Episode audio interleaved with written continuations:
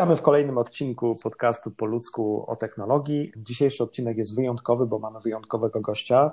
Naszym gościem jest członek zarządu CUK-u, czyli pan, pan Przemysław Grabowski, Centrum Ubezpieczeń Komunikacyjnych. Rozwiniemy ten skrót. Spotykamy się, żeby po pierwsze świętować dwudziestolecie CUK-u, ale po drugie, żeby, co, co pewnie ważne, szczególnie dla naszych słuchaczy, żeby rozmawiać przy tej okazji o technologii, o tym, co się zmieniło na rynku ubezpieczeń, co w szczególny sposób się odcisnęło, jeżeli chodzi o technologię na tym rynku i co może się wydarzyć w najbliższych latach. Dzień dobry, panie Przemysławie. Witam, witam wszystkich słuchaczy.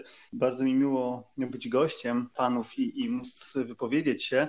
Natomiast na początek chciałem rozwinąć troszeczkę to, co pan powiedział na początku. CUK, Centrum Ubezpieczeń Komunikacyjnych, faktycznie historycznie. Na samym początku tak wyglądała firma naszej organizacji, że to był CUK Centrum Ubezpieczeń Komunikacyjnych, jednak już bodajże od 2007 roku e, staramy się uciekać te, od tego rozwinięcia, bo jesteśmy agencją, która jednak stara się tych klientów obsługiwać kompleksowo i ta komunikacja oczywiście jest bardzo istotna, natomiast bardzo duży udział w naszych u naszych klientów stanowią produkty też innych kategorii majątkowe, firmowe, życiowe. Także to rozwinięcie Centrum Bezpieczeń Komunikacyjnych mógłbym nazwać już jakimś e, swojego rodzaju archaizmem. Wolałbym jednak posługiwać się cuk ubezpieczenia, bo to lepiej oddaje naszą specyfikę. Super, tak właśnie będziemy mówili. Tak swoją drogą zauważyłem, że w reklamach pojawiła się jakaś taka pani superbohater, która nazywa się Super, super Cuk, właśnie, właśnie. Ale ona też chyba ubezpiecza głównie komunikacyjnie, prawda? Czyli jakby ten przekaz w mainstreamie jest e, typowo komunikacyjny. Tak, tak, ten przekaz jest typowo komunikacyjny, ale to z prostego powodu, ponieważ e, komunikacja jest driverem sprzedażowym, może nie zawsze chcianym przez wszystkich, bo, bo jednak jest to ryzyko, na którym najmniej się zarabia, albo wręcz się nawet nie zarabia, co pokazywało, pokazuje historia, nie wiem, ostatnich trzech lat, kiedy ubezpieczyciele zaczęli mocno tracić na tym ryzyku, ale jednak jest to największy driver ubezpieczeniowy i to przyciąga klientów, a dopiero potem można tego klienta opakowywać innymi produktami, które tak naprawdę są mu bardziej potrzebne niż sama komunikacja, ale to ta komunikacja przyciąga. Więc może wróćmy do początku. Jak, jak to wyglądało 20 lat temu? Firma była już wtedy zdalna, w sensie internetowa? Nie, pe, pe, pewnie to był, była klasyczna firma, która działała przez agentów i partnerów. Tak, to, to była klasyczna, klasyczna firma, ale też nie do końca klasyczna, bo 20 lat temu praktycznie nie istniało takie pojęcie jak multiagencyjność, a już nie mówię o tym, że jeżeli ktoś był agentem, to miał swoje biuro. Naprawdę 20 lat temu to były osoby, które o ile nawet posiadały ofertę kilku towarzystw, to na pewno nie wszystkich, o tyle już spotkać takiego agenta, który miał własną placówkę otwartą w określonych godzinach, w określonym standardzie, to już naprawdę był duży wyczyn. I ta świadomość klientów 20 lat temu była taka, że na rynku jest PZU i praktycznie nie ma nic innego, Dlatego otwarcie takiej placówki jak nasza, gdzie mieliśmy pewien standard, godzinę otwarcia, dostępność praktycznie całego rynku i od samego początku porównywaliśmy klientowi wszystkie oferty. Było to porównanie, co prawda, robione w Excelu, ale to było pierwsze narzędzie, to była pierwsza technologia, która wkroczyła do naszej organizacji, był Excel, który wyliczał na podstawie parametrów składki wszystkich e, towarzystw, które mieliśmy w ofercie. I to było 20 lat temu. Zresztą to też jest taki, taka ciekawostka, że 20 lat temu jeszcze wszystkie polisy, no albo prawie wszystkie polisy były wypisywane na papierze samokopiującym, więc e, to też było pewne wyzwanie, żeby tą polisę wy, wystawić, bo, bo, trzeba było mieć ten przede wszystkim druk, trzeba było go dobrze wypełnić. Jak się człowiek pomylił, to trzeba było robić to od nowa. Więc tak to było 20 lat temu. Właśnie, y, właśnie chciałem pociągnąć ten wątek. Swoją drogą przyszło mi do głowy, że naprawdę Microsoft, nie wiem czy sobie zdaje sprawę, ile firm się rozwinęło dzięki temu Excelowi, bo to było pierwsze narzędzie często wielu biznesów i to jest po prostu niesamowity jednak wpływ na biznes. Natomiast y, Panie Przemysławie, ja chciałem zapytać, jak Pan ocenia właśnie z perspektywy technologii te 20 lat? Czy byłby Pan w stanie wskazać jedną technologię bądź kilka, które w sposób szczególny przez ten czas się zmieniły, przeszły największą transformację i jednocześnie miały największy wpływ na państwa biznes? Jeżeli miałbym coś wskazać, to z naszego punktu widzenia, jako tego łącznika między zakładem ubezpieczeń a klientem, to chyba technologia w zakresie komunikacji, ale to komunikacji nie rozumianej jako przekazywanie wiadomości mailowych, czy, czy jakichś głosowych, czy innych, tylko bardziej komunikacji systemowej, czyli web serwisy. I to chyba przyspieszyło naszą pracę, bo o ile wcześniej był, był ten Excel wspomniany, on bazował na jakichś algorytmach, które były w nim zaszyte i można było sobie te składki wyliczyć, natomiast każda zmiana taryfy, każda modyfikacja to były godziny wieczorne ślęczenia, żeby, żeby przygotować tego Excela na kolejny dzień, żeby klienci mieli aktualne informacje o składkach. Na początku ja się tym zajmowałem, więc wracałem z biura sprzedawałem polisy, o godzinie 20 siadałem do komputera i do drugiej w nocy modyfikowałem te algorytmy, żeby na rano wszyscy nasi pracownicy mieli aktualnego Excela. Prowadzenie web serwisów przez zakłady ubezpieczeń, bo to nie była technologia jakaś super odkrywcza, natomiast ona wkroczyła do, do towarzystw ubezpieczeniowych z jakimś tam opóźnieniem. To też była ogromna praca, żeby przekonać te zakłady ubezpieczeń do tego, że te web serwisy są ważne, że ich potrzebujemy, żeby szybko dawać klientowi aktualną informację. I z mojego punktu widzenia to chyba, to chyba było coś, co nam pozwoliło tak bardzo się rozwinąć. Bez tego byłoby to trudne.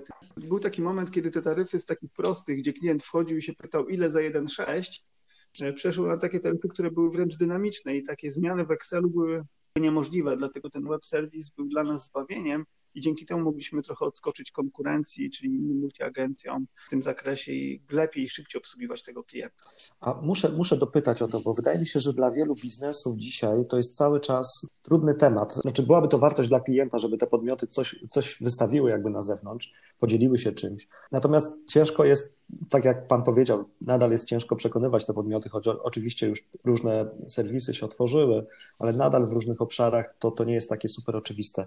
Jak ta droga przebiegała u Państwa? Czy to, jest, czy to działa w ten sposób, że przekonuje się jednego partnera dużego, żeby to zrobił i inni idą za tym?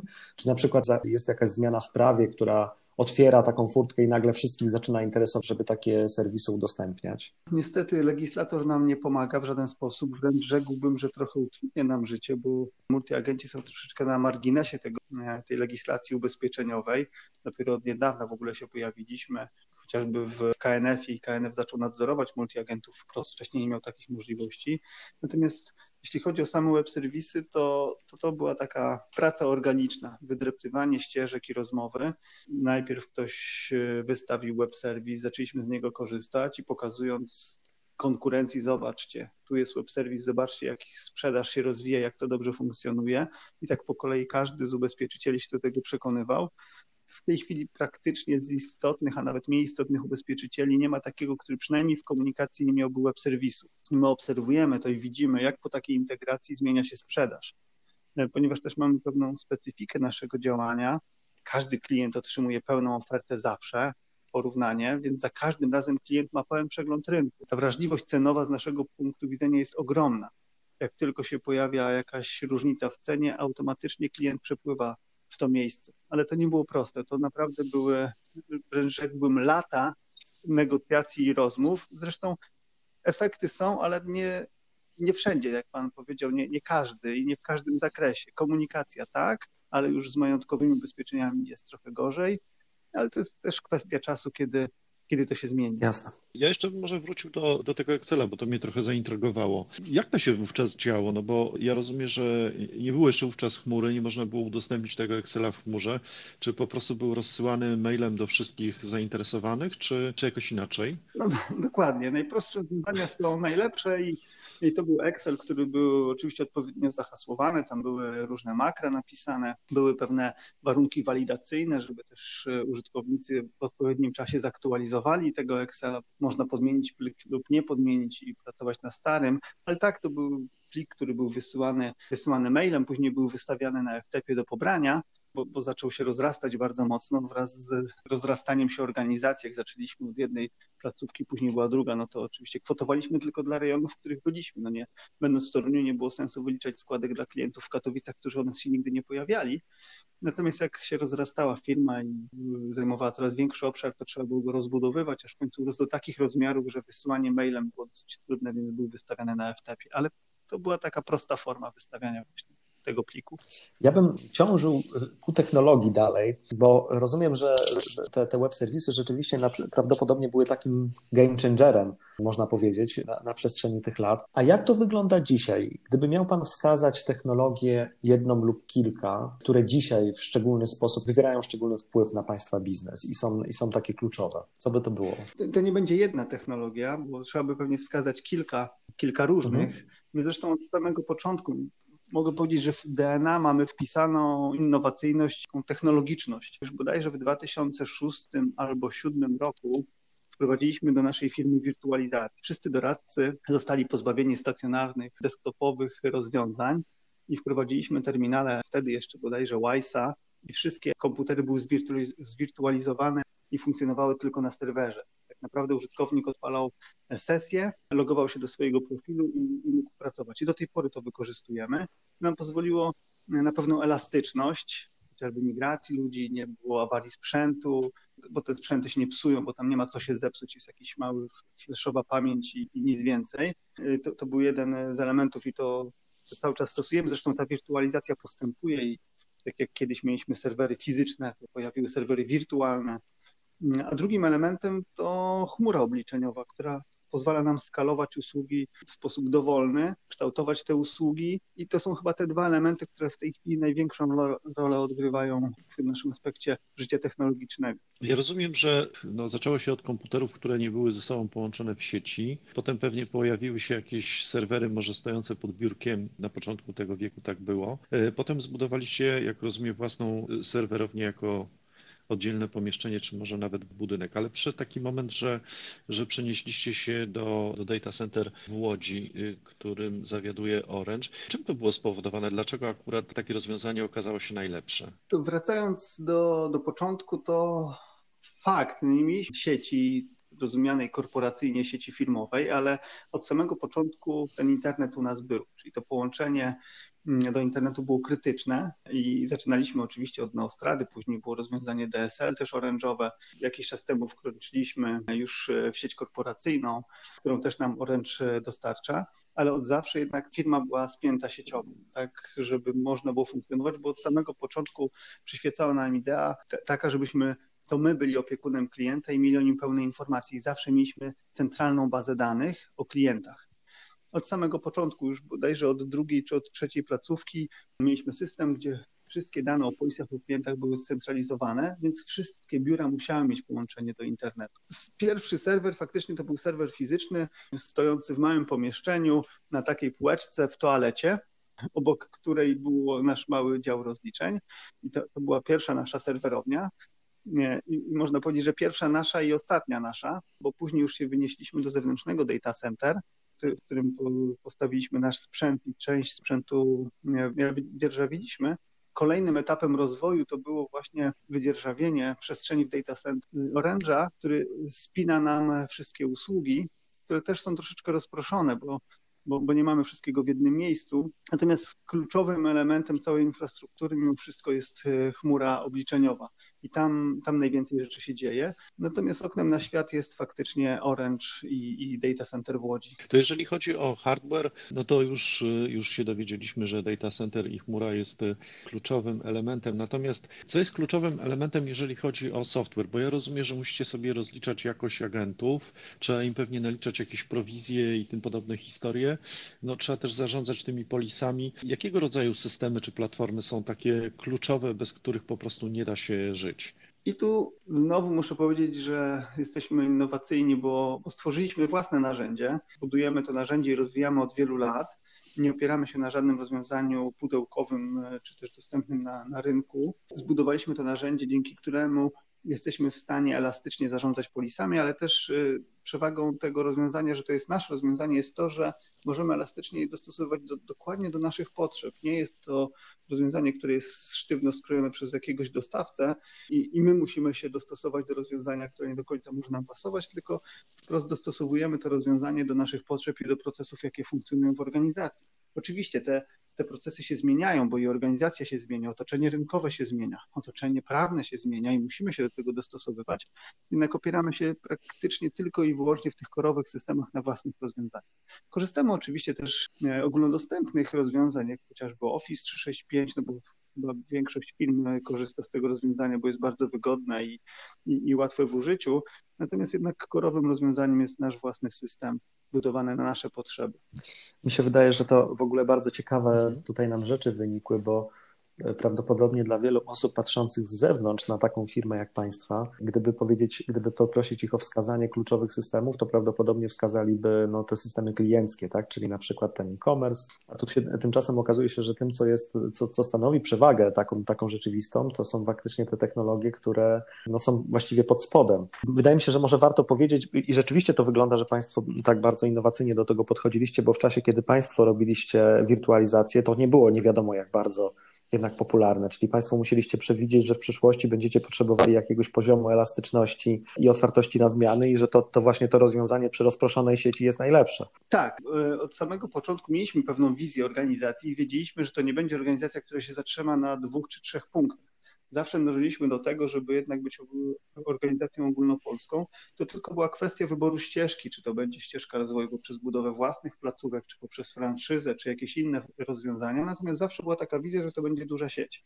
W związku z tym przygotowywaliśmy się do tego. Oczywiście nie wiedzieliśmy, że to tak szybko się potoczy, bo ten rozwój nawet czasami nas zaskakiwał, że to, że to tak szybko idzie, ale chyba właśnie te przewagi, o których Pan wcześniej powiedział, e, to, że jednak stawialiśmy na, na trochę inne podejście niż wszyscy dookoła I, i chyba kluczowym jest to, że zawsze staraliśmy się budować swoją bazę wiedzy o kliencie, bo to jest najważniejsze, bo standardowy agent, czy, czy nawet duże multiagencje, które funkcjonują na rynku, dopiero niedawno zaczęły gromadzić te dane o klientach. Wcześniej to była praca na portalach towarzystw, czyli każdy klient miał swoją polisę, ale w oddzielnym portalu towarzystwa, więc żeby się dowiedzieć o tym kliencie coś więcej, jeżeli, szczególnie jeżeli miał polisy w różnych portalach, w różnych towarzystwach, to trzeba było się przeklikać po kilku narzędziach, żeby jakąś wiedzę o nim zebrać. Zakładam, że agentowi było prościej trzymać wszystkie polisy jednego klienta w jednym towarzystwie, bo łatwiej byłoby tym zarządzać, co znowu jest nieoptymalne dla klienta, bo to nie oznacza, że wszystkie produkty są idealnie dopasowane w danym towarzystwie do jego potrzeb. My natomiast, mając tą bazę wiedzy o kliencie, niezależnie od tego, w jakim zakładzie ubezpieczeń ma polisę, mamy te wszystkie informacje w jednym miejscu.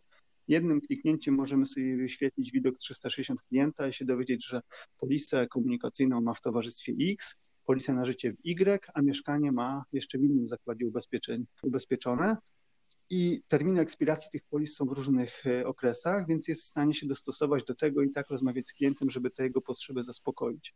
I to jest chyba kluczowe, kluczowy element, który tą naszą przewagę buduje. Teraz konkurencja zaczyna stosować podobne rozwiązania, natomiast no, ten bagaż doświadczeń i, i, to, co zbudowaliśmy przez te 20 lat, powoduje, że jeszcze jesteśmy dużo przed nimi.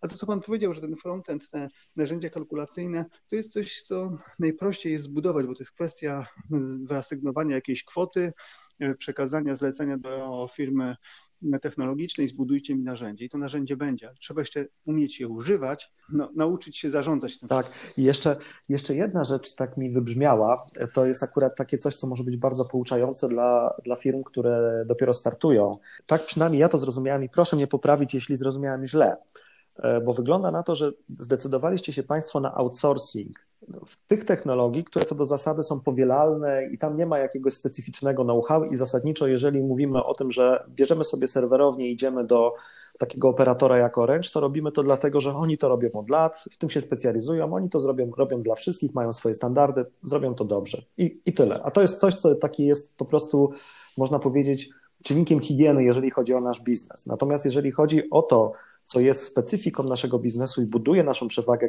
konkurencyjną, czyli to oprogramowanie e, pozwalające nam lepiej rozumieć klienta, e, oferować mu lepiej dopasowane usługi w lepszym czasie i tak dalej, i tak. O to nie, to sobie robimy sami, bo, bo tutaj będziemy zawsze my najlepiej wiedzieli, co jest potrzebne i dzięki temu będziemy w stanie, dzięki temu, że to jest nasze, będziemy w stanie szybko e, reagować. Dobrze to odczytałem? Dokładnie tak. Dowodem tego jest chociażby to, że programowanie, które jest naszym korowym programowaniem, jest wytwarzane przez spółkę, można powiedzieć, zależną od nas. Mamy spółkę Ecom, która takie oprogramowanie buduje, natomiast wiemy też, że ta przewaga technologiczna pewnych obszarach ona się, się zmniejsza. I nie ma sensu upierać się przy tym, że my jesteśmy jedyni najmądrzejsi. Bo tak jak powiedziałem, pewne rzeczy można też zbudować i widzimy, że na rynku pojawiają się różne rozwiązania. Dlatego wyszliśmy też z taką inicjatywą, że e, spółka Ecom może pewne części naszych rozwiązań udostępniać na rynku. Czyli przeciętny agent może mieć coś podobnego, co my używamy, na własne potrzeby. Z jednej strony jest to duża przewaga technologiczna, z drugiej strony wiemy też, że doszliśmy do pewnego poziomu i ciężko nam przeskoczyć jest wyżej, jeżeli nie będzie odpowiedniej presji rynkowej na zakładach ubezpieczeń. W związku z tym im większa rzesza agentów będzie używała technologii, tym większa będzie presja, żeby tę technologię po stronie towarzystw poprawiać. Bo tam też są pewne wąskie gardła. I samemu e, tego muru głową nie przebijemy, więc potrzebujemy większej masy, większej siły, żeby ten, ten mur przebić. Dlatego tą technologię zaczynamy udostępniać poprzez ECOM na rynku. Mhm.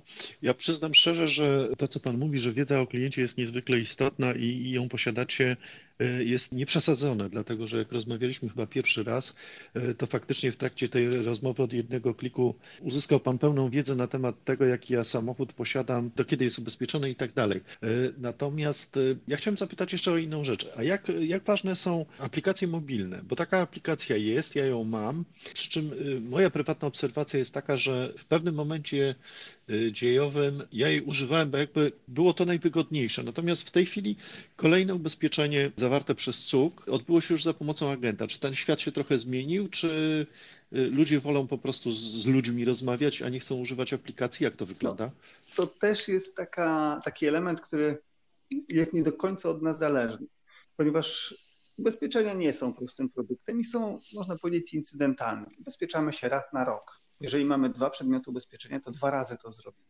Jeżeli trzy, to trzy razy to zrobimy. U nas przeciętnie klient ma 1,7 polisy. W związku z tym nie jest to aż tak duża masa. Nie jest to takie, taka utylizacja aplikacji jak w przypadku banku, gdzie te przelewy, płatności wykonujemy dosyć często. Przynajmniej raz w miesiącu płacimy jakiś czynsz, prąd, wodę, gaz, e, tego typu rzeczy. W ubezpieczeniach jest trudniej utrzymać tą atencję klienta w tej aplikacji. My chcielibyśmy tą, tą uwagę klienta utrzymywać, natomiast tu potrzebujemy też technologii, której znowu nie mamy z zakładów ubezpieczeń. Pamiętajmy, że my jesteśmy pośrednikiem. Jeżeli ja będę w stanie dostarczyć klientowi dodatkowe informacje, dać mu możliwość zapłacenia raty z poziomu aplikacji, to ja chętnie to udostępnię. Natomiast takiej technologii nie ma w zakładach ubezpieczeń. Są pewne ograniczenia technologiczne, które nie pozwalają mi pójść dalej. Dlatego wcześniej powiedziałem, że im większa masa krytyczna będzie po stronie agentów używających technologii, tym większa skłonność będzie po stronie zakładów ubezpieczeń, żeby tę technologię też rozwijać. My doszliśmy do takiego maksymalnego poziomu, gdzie bez e, inicjatywy z drugiej strony, czyli zakładów ubezpieczeń, nie jesteśmy w stanie pójść dalej. Przykładem może być chociażby e, oględziny pojazdów. W tej chwili oględziny pojazdów są wykonywane w sposób e, cyfrowy, robimy zdjęcia, natomiast cały czas te zdjęcia trzeba załączać fizycznie na portal towarzystwa. Czyli agent musi wejść, zalogować się na portal, te wykonane zdjęcia przegrać gdzieś na dysk, z tego dysku przekopiować do, do portalu towarzystwa. Niewiele towarzystw ma web service, żeby te zdjęcia przesyłać im elektronicznie. My mamy taką możliwość, mamy aplikację dla agentów, którzy mogą za pomocą tej aplikacji wykonać oględziny i te zdjęcia od razu biegną sobie poprzez web serwisy do zakładów ubezpieczeń, ale wybranych kilku, nie do wszystkich. Więc ten agent musi wrócić z częścią tych towarzystw jednak do tego komputera i tam wykonać te czynności manualnie. To samo jest w aplikacji klienckiej. Mhm. No, ja tutaj zauważyłem, że kiedyś e, robiłem za pomocą aplikacji Cuku mhm. zdjęcia, natomiast przy ostatnim ubezpieczeniu to akurat towarzystwo AXA, nie ma chyba powodu, żeby to ukrywać, y, wysłało mi link, żeby zrobić sobie zdjęcia za pomocą tak. ich aplikacji. Czy, on, y, y, czy oni z tego nie, po prostu nie chcą korzystać z waszego know-how? Zdjęcia, jeżeli będą potrzebne, no to u was już będą, tak? Jest jakaś historia. Ja patrzę z, przez pryzmat człowieka z zewnątrz, że to trochę chyba jest takie wyważanie otwartych drzwi ze strony towarzystwa, tak? Skoro klient ma jakąś historię w cuku, to po co jeszcze tworzyć własną historię, tak? Czyli zwiększać to big data? Właśnie trochę ta niedojrzałość tego rynku, bo zakłady ubezpieczeń sądzą, że moje jest bardziej mojsze niż twoje, w związku z tym oni chcą twoje e, oględziny, a nie takie, które wykonał CUK rok temu na rzecz innego zakładu ubezpieczeń. To też się oczywiście zmienia i chociażby to, co Pan wspomniał o akcie, to, to jest też pewien postęp, bo już przynajmniej ten element, który ułatwia nam i klientowi życie. Nie musi Pan przyjechać do nas, żebyśmy wykonali te oględziny, tylko akta wyśle link SMS-em, żeby te oględziny zrobić To już jest, jest postęp. Te rozwiązania, które my wypracowaliśmy, to są rozwiązania, które e, zastępują niedociągnięcia technologiczne towarzystw. Ja nie chciałbym być zmuszony do tego, żeby budować takie, można powiedzieć, prowizorki czy też protezy, dlatego że zakłady ubezpieczeń nie mają technologii, które, którą mogą nam dostarczyć. Te oględziny zrobiliśmy tylko dlatego, że właśnie tej technologii nie było. Ona się pojawia. Przykładem jest właśnie ta AXA, przykładem jest Allianz, ale nasz narodowy ubezpieczyciel, jak PZU, no, nie ma takiej technologii. Ma oczywiście swoją aplikację do oględzin, natomiast korzystanie 15 aplikacji przez agenta jest dosyć trudne. Ja to patrząc na to z boku mogę się mylić, ale, ale rozumiem, że trochę towarzystwa się obawiają wypuszczania tego, tego klienta do Was. Trochę to traktują jako zło konieczne, bo ideałem byłoby pewnie, gdyby klient kupował bezpośrednio od nich, no bo wtedy, wtedy oni mają szansę tego klienta lojalizować pewnie jakimiś dodatkowymi działaniami, a w momencie jak kupuje u państwa, no to po pierwsze niestety jest ta transparentność, no, dla nas stety oczywiście, ale pewnie dla towarzystw niekoniecznie, więc ta, y, te, ten, ta oferta konkurencyjna jest jeden klik dalej tylko tak naprawdę, więc to może rzeczywiście nie być jakoś bardzo dla nich y, atrakcyjne rozwiązanie. Oczywiście, oczywiście, że tak. Szczególnie e, ci duzi ubezpieczyciele, jak, jak Warta, tu jest chyba takim sztandarowym przykładem właśnie ta Warta, która nie bardzo lubi takich dużych e, multiagentów jak my. Oni stanowczo wolą takich drobnych. E, oczywiście łatwiej jest e, narzucać swoją wolę, jak jest duża masa drobnych, niż jest jeden duży.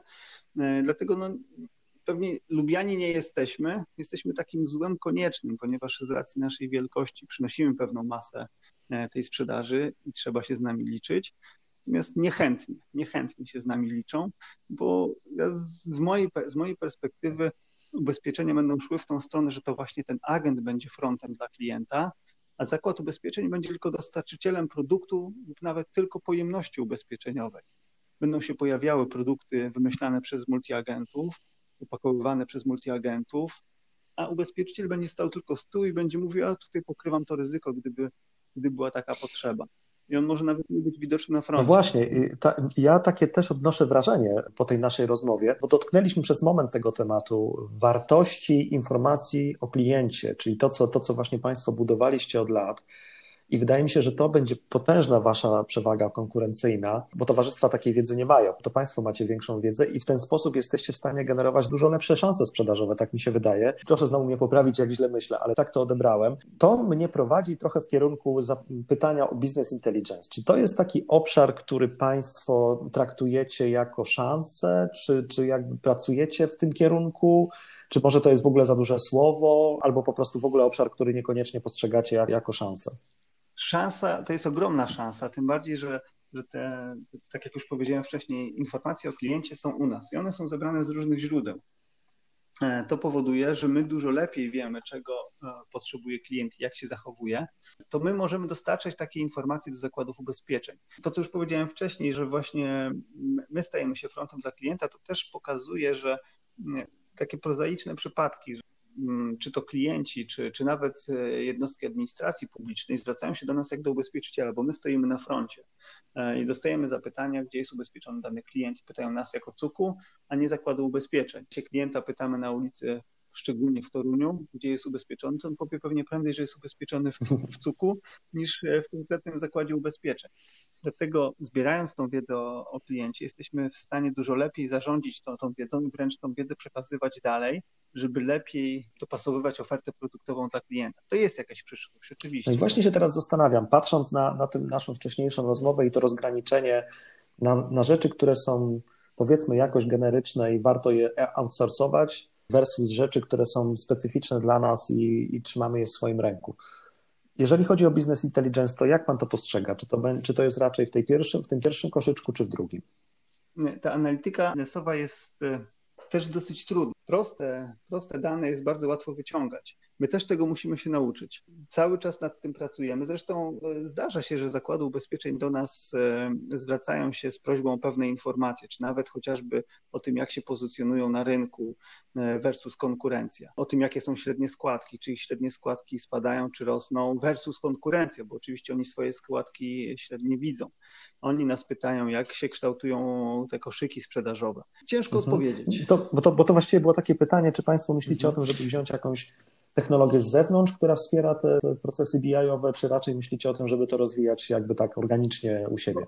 To trzeba by się bardziej jeszcze zagłębić w ilość i jakość danych, które, które posiadamy. To, to nie są też tanie rozwiązania, bo, bo zdajemy sobie sprawę z tego, jak trudno jest te, te dane analizować w sposób właściwy. My na razie korzystamy z prostych rozwiązań jak Power BI. Tutaj też nie mamy jakiejś zaawansowanej technologii, wyciągać nie wiadomo jakie wnioski z tych danych. Też się dopiero tego uczymy. Jesteśmy tak naprawdę na początku całej tej ścieżki. Jakby przyszłość jest taka, że to my będziemy na podstawie tych danych w stanie kreować e, zachowania klientów. Mhm żeby ta pogłębiona analiza była wykonywana wręcz e, pewnie nie przez człowieka, tylko nawet przez jakąś sztuczną inteligencję, która pomoże nam w tym, bo, bo tych informacji jest naprawdę ogrom i ciężko samodzielnie to wszystko przeanalizować i wyciągać właściwe wnioski. Te wnioski nawet, które teraz wyciągamy, próbujemy robić taką analitykę i próbować robić taką predykcję do naszych klientów, czego oni mogą w najbliższym czasie potrzebować. Ale tak jak powiedziałem, my się dopiero tego uczymy. Jasne nie mamy aż tak e, rozwiniętych działów analitycznych, jak pewnie w zakładach ubezpieczeń, które z natury rzeczy i swojego działania muszą mieć, muszą potrafić oceniać to ryzyko zachowania klienta i inne elementy. My dopiero rozwijamy tą działkę. Więc to, to jest przyszłość, ale to jest taka dosyć, dosyć bliska przyszłość. Patrząc na to z, zewnątrz, myślę sobie, że macie świetnie rozbudowany ten system korowy, który jest e, no, swoistym CRM-em. Natomiast rozwiązania BI-owe, e, no to jest głównie wizualizacja, no i tak potroszę predykcja, jak pan raczył wspomnieć, ale ma to do siebie, że potrafi czerpać z różnych źródeł, tak? Czyli możemy sobie wyobrazić to, że przy, przy okazji ubezpieczeń na życie, czy w ogóle powiązanych ze zdrowiem, wyciągnie dane z NFZ-u i, i ładnie jakoś skoreluje z tym, co jest już w systemie korowym, tak? Pewnie rzeczywiście jest to przyszłość dla was nie do uniknięcia. Natomiast chciałbym zapytać, co w najbliższej przyszłości, oprócz właśnie takich systemów analitycznych, e, wydaje się być niezbędne po to, żeby jeszcze lepiej odnaleźć się na rynku? To, to jest takie pytanie, które myśmy sobie obmyślili, żeby ono było takie bardzo takie otwierające, na zasadzie takiej, że ok, zakładając, że nie mamy żadnych ograniczeń finansowych, nie musimy się przejmować tym, że ten projekt będzie uciążliwy, to jak, jaką technologię wydaje się Panu, że, żebyście Państwo rozwijali? My samodzielnie pewnie ciężko, my nie jesteśmy firmą technologiczną, bardziej jesteśmy firmą, która czerpie z tej technologii, więc na co bym stawiał, bardziej bym tak odpowiedział na to pytanie. Myślę, że tutaj chyba kluczowym elementem jednak będzie sztuczna inteligencja, która wspomoże tego klienta w, w doborze ubezpieczenia, bo teraz znamienne jest to, że o ile w całym e-commerce e, z racji pandemii, którą mamy, sytuacja się troszeczkę odwróciła. Wcześniej klient więcej szukał w internecie, a kupował e, w offline, to teraz już w tym offline aż tak nie kupuje, przestawił się jednak na te zakupy internetowe i dużo prościej i, i, i łatwiej jest mu to zrobić, jest bardziej skłonny, żeby to robić. W ubezpieczeniach aż takiego trendu nie widać, dlatego że produkt ubezpieczeniowy jest bardzo trudny i klient sam nie do końca jest w stanie sobie poradzić z tym produktem, a poza tym nie ma aż tak dużego zaufania do swojego wyboru. Boi się, że e, coś mu umknie, czegoś nie zauważy, że polisa nie będzie go chroniła w pełni, tak jakby tego oczekiwał, więc mimo wszystko szuka w internecie e, te, tej polisy, ale kupuje u agenta. Zresztą to jest znamienne, że wszystkie porównywarki internetowe e, w swoich reklamach też pokazują, że porównasz ofertę ale pamiętaj, że tam z tyłu jeszcze mamy 200 agentów, którzy ci pomogą. Po prostu mają infolinię, która, która tego klienta jest w stanie wspomóc. I myślę, że to jest chyba taki element, który w przyszłości może decydować o tym, że klienci samodzielnie będą w stanie kupować ubezpieczenie poprzez e, technologię, e, ale do tego jest potrzebna sztuczna inteligencja, która będzie w stanie z tym klientem szybko się porozumieć i e, zdiagnozować te jego obszary i dopasować do, do tego obszaru ryzyka, którego klient akurat, które klient przewiduje, odpowiedni produkt, czy wręcz temu klientowi te e, obszary ryzyka wskazać, bo nie każdy sobie zdaje sprawę z tego, jakie te ryzyka są. Dopiero jak sąsiadowi się spali dom, my mówimy, o kurczę, może się ubezpieczy, jemu się spalił, to i może mi się spalić. Dopóki się to nie wydarzy, to sobie nie zdajemy sprawy z tego, że takie ryzyko jest. Ja ubezpieczając swój dom mam na myśli zawsze dwa ryzyka, bo, bo wiem, że mogą się zdarzyć, ale jestem świadomym klientem. Zawsze boję się przewrócenia drzewa, mam drzewa na działce i boję się powodzi, bo mieszkam stosunkowo blisko, no tam 700 metrów, ale blisko Wisły. Więc to może się wydarzyć. Są dwa takie ryzyka, na które zwracam uwagę. Nie wiem, czy wszyscy moi sąsiedzi dookoła mieszkający też zwracają uwagę na takie ryzyka. I ta sztuczna inteligencja mogłaby im takie, e, takie rzeczy właśnie pokazać, mogłaby im naświetlić na podstawie tego, gdzie mieszkają, jak się zachowują, jak żyją i na podstawie tych informacji mogłaby powiedzieć, powinieneś się zabezpieczyć od takiego ryzyka, ponieważ twój styl życia wskazuje na to, że tutaj jesteś narażony. No, dodatkowo tutaj te, ten BI też trochę wchodzi w grę, bo prawdopodobnie Państwo jesteście wtedy w stanie powiedzieć, osoby, które mieszkają w podobnych miejscach, w podobnym otoczeniu, wybrały takie opcje, bo właśnie chciały się zabezpieczyć przed tym. To są absolutnie unikalne rzeczy właśnie dla Państwa jako dla multiagencji tak? Natomiast to są tak ogromne zasoby danych, które też jeszcze trzeba odpowiednio analizować, przede wszystkim je gromadzić. My, pomimo tego, że gromadzimy dużą ilość danych o klientach, to cały czas uważam, że jest ich za mało. Natomiast też legislator nam nie ułatwia, bo mówi, możesz zbierać tylko takie informacje, które są niezbędne, nie możesz zbierać ich nadmiarowo. Ja zbierałbym je nadmiarowo, ale po to, żeby pomóc temu klientowi, a nie żeby to wykorzystać w niecnych celach. Tutaj legislator idzie bardzo, bardzo do przodu, wręcz za, za daleko wychodzi i to powoduje pewne ograniczenie biznesowe według mnie ze szkodą dla klienta. Ta wizja, którą Pan przedstawił, bardzo mi się podoba, dlatego że w pewnych momentach życia, jeżeli wychodzimy poza ubezpieczenia komunikacyjne, różne potrzeby ludzie mają i przydałoby się, żeby klient miał przekonanie, że rzeczywiście stoi za tym jakaś inteligencja, czy ludzka, czy sztuczna, która działa w jego interesie. Czyli taki przykład, który mi przychodzi do głowy, na początku swojej drogi zawodowej, powiedzmy, ludzie wykup, wykupywali sobie ubezpieczenia na życie, no bo zabezpieczali sobie rodzinę, tak? Natomiast e, im bliżej do emerytury, tym e, to zabezpieczenie e, jest mniej istotne, bo powiedzmy dzieci już dorosły, zarabiają, dbają o siebie, same się ubezpieczają i tak dalej. Natomiast bardziej jest pewnie istotne zabezpieczenie emerytalne. Y, I w tym momencie, gdyby rzeczywiście no, instytucja taką jak, jak CUK powiedzmy, zasugerowała, OK, to teraz może byś sobie zrobił transfer tych środków y, do innego y, koszyczka, który by ci zabezpieczył lepiej twoją przyszłość, to byłoby chyba to, czego klienci oczekują. To, to, to jest moje takie zdanie jako klienta oczywiście, tak? Oczywiście to jest tak skomplikowana materia, że ta sztuczna inteligencja pewnie szybko nie wkroczy, bo, bo o ile nawet pewnie jakaś już jaki zalążek tego jest, to technologia jest na tyle droga, że przeciętny agent nie będzie w stanie z tego, z tego skorzystać. Pewnie nawet taka instytucja jak my też miałaby jakieś kłopoty, bo, bo mimo wszystko te badania i rozwój trwają i kosztują i pewnie nawet nas nie byłoby w tej chwili stać na to, żeby zainwestować. Inicjatywa musi pójść e, przynajmniej z kilku kierunków, żeby to się zadziało. Najbliższa przyszłość nie wskazuje na to, żeby udało nam się to zrobić, natomiast w jakiejś tam odległej perspektywie jak najbardziej była bardzo ciekawa, rozwijająca, przynajmniej dla mnie, mam nadzieję, że dla naszych słuchaczy też rozmowa. Chcę się podzielić moją frustracją niebywałą, że kończymy, bo mam wrażenie, że dotknęliśmy kilku wątków, takich jak te wątpliwości i w ogóle sytuacja psychologiczna tego użytkownika, który w tym online musi podjąć decyzję na bardzo skomplikowaną materię. I to, to jest w ogóle jeden wątek. Drugi wątek bardzo ciekawy sztucznej inteligencji i wykorzystania w tych, w tych procesach pod spodem. Może jeszcze kiedyś będzie okazja wrócić do tego i rozwinąć te wątki, bo, bo wydaje mi się, że jakby Pana doświadczenie jest tutaj absolutnie imponujące i ta rozmowa, no, wydaje mi się, że byłaby bardzo ciekawa. No ale jest jak jest. Dziękujemy że znalazł Pan czas dla nas dzisiaj. Chyba co, zapraszamy wszystkich bardzo serdecznie na kolejne odcinki e, naszego podcastu po ludzko technologii. Do usłyszenia. Ja również wszystkim dziękuję. Pozdrawiam wszystkich. Do usłyszenia. Do usłyszenia.